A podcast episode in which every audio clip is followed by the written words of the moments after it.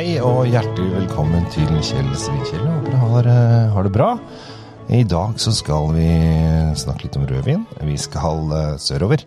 Langt, langt, langt, langt, langt, langt, langt sørover. Vi skal til eh, Afrika. Ja, og vi skal så langt sør i Afrika vi kommer. Da kommer vi til landet Sør-Afrika. Og i dag så skal jeg snakke om en vin som jeg egentlig kom over for veldig lenge siden. Eh, og jeg ble veldig inspirert av, fordi at eh, Jeg vet ikke hvor mange år siden det er. Det, jeg tror kanskje det er åtte-ti år siden så jeg et, eh, vin, en vindokumentarserie med en fransk dame som snakket ikke veldig godt engelsk, men hun prøvde i hvert fall.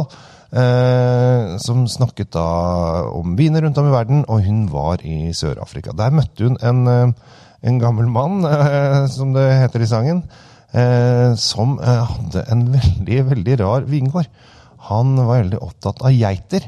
Eh, og hadde bygd et geitetårn, som er en eh, rund, eh, et rundt tårn med en geitetrapp som gikk på utsiden av tårnet. Der geitene drev og lalla rundt og koste seg opp og ned. Og så gikk de ute i åkeren og spiste rundt ugress og alt sånt, og holdt egentlig åkeren øh, fin og god. Og så tenkte jeg dette her er jo veldig sjarmerende. Dette, dette, er kjempekoselig. Og øh, han øh, virka som en veldig real fyr også. Eh, og det viste seg nå at i starten av året så fikk jeg lov å møte denne mannen.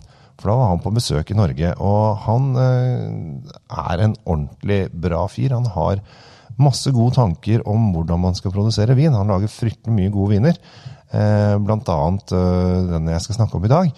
Men han har også gode tanker om at det er veldig viktig å være drive med fair view. altså det skal være handels, riktig handelsnøytralitet, og det, er, eh, det skal være stabilitet, og det skal gå bra med lokalsamfunnet, og han skal være med å bygge opp lokalsamfunnet og hele greia. Det er en veldig god, uh, god tanke rundt hele produksjonen hans. Men uh, over til over selve vinen. For den er jo, mm, er jo en, en, en, veldig god vin. Veldig lett vin. Det er ikke noe det er ikke noen tunge saker, dette her. Eh, men det, prisen er ikke så høy heller, så det gjør at dette er en god billigvin, vil jeg si. Eh, den er eh, bløt med litt sånn saftig frukt. Litt søtlige mørke bær, kanskje. Den har litt sånn lakrissmak. Det er jo fordi at den har ligget litt på fat, som gjør at den har fått litt sånn lakris og vaniljesmak på seg. Og den er rett og slett en topp kjempegod vin eh, når du snakker om vin til 120 kroner. Eh, så eh, bare det at han har så mye historie rundt, gjør at denne her blir litt spennende. Men det er en veldig lettdrikkelig vin. Den passer fint nå på sommeren. Den passer til grillmat. Du kan uh, drikke den alene også, uh, men den er uh, også lett å få tak i. Stort sett uh, fins på pol over hele landet. Så det er eh, en uh, vin som man bare kan gå, gå og ta med seg og, og bare hygge seg med. Eh, og ikke skamme seg over i det hele tatt. Dette er gode saker til en billig penge.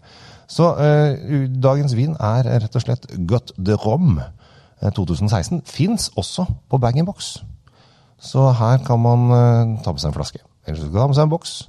Og så kan man grille og kose seg med sommermat. Og bare hygge seg. Så da, dagens vin eh, anbefales da fra Sør-Afrika. 119,90. Og med det så sier jeg smak og kos deg med god vin, og kommenter gjerne på det du måtte ha lyst til å kommentere. Jeg heter Kjell Gabriel Henriks. Ha det bra!